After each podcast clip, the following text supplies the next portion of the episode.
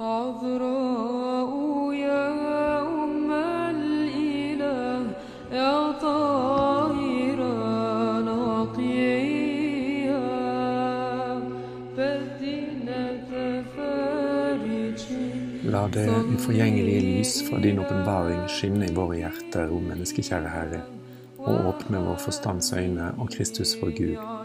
Måtte du opplyse våre sinn når vi leser om dine hellige tjenere, apostler, martyrer og profeter, biskoper, asketer og rettferdige, som fullførte den gode striden og bevarte den sanne troen.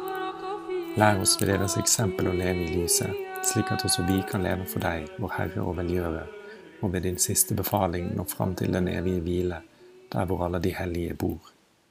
Den 26. august feirer vi den hellige martyren Adrian og hans kone Natalia og deres 23 venner. Hellige Adrian var offiser av høy rang i den romerske hæren.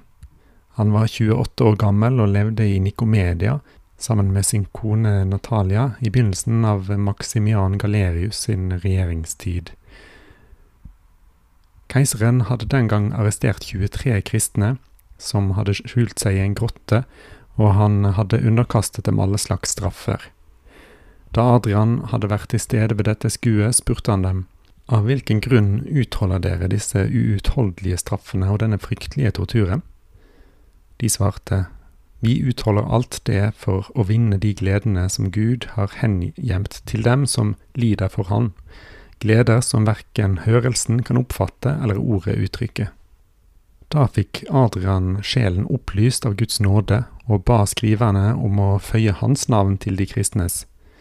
Det vil være meg en fornøyelse å dø med dem for Kristi kjærlighets skyld, utbrøt han. Han ble straks lagt i lenke og kastet i fengsel i påvente av dommen.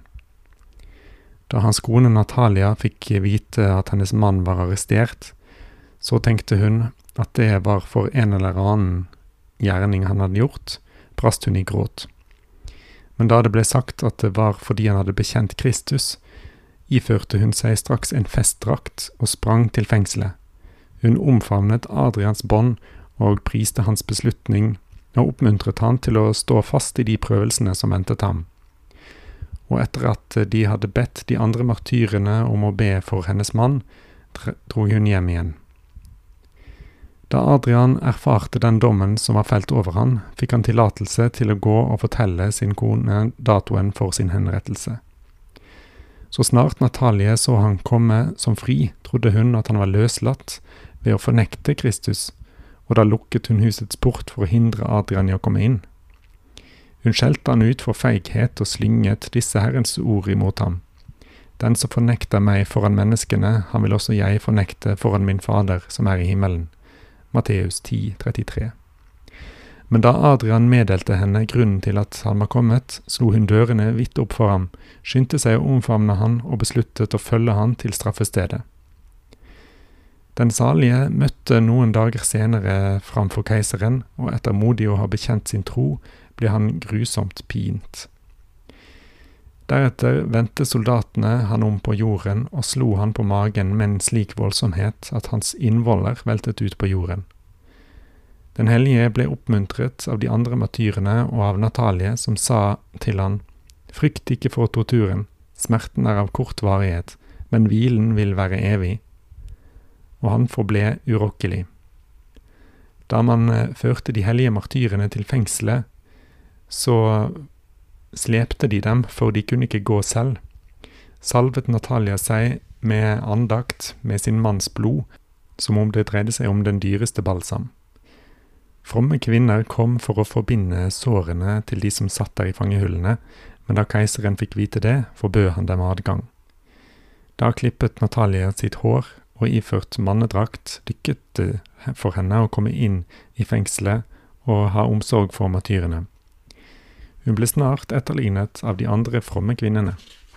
Da keiseren fikk høre at det var lykkes å omgå hans bud, og at de innsatte fikk noe trøst under deres lidelser, befalte han at deres bein skulle knuses i en skruestikke. Slik oppgav de alle sjelen som følge av lidelsen. Da turen kom til Adrian, oppmuntret Natalia ham og holdt enda hans hånd, da bøddelen belagde seg på å avhogge hånden.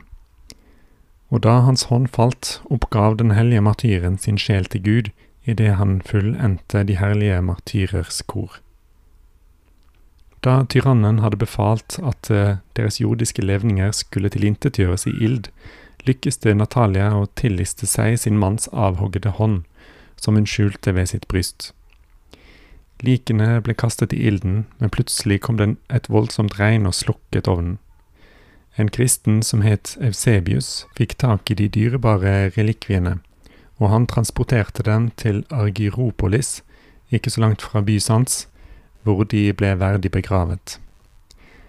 En tid senere ba en mektig general keiseren om å få gifte seg med Natalia, men eh, tro mot sin mann ba denne foran Adrians hånd og anmodet ham om forbønn at hun måtte skånes for en sådan prøvelse.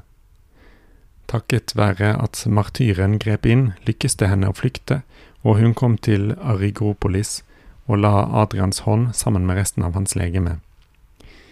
Der levde hun en tid sammen med andre fromme kvinner, og etter en åpenbaring fra Adrian ble hun en smule syk og gikk da hen for å gjenfinne ham i himmelriket.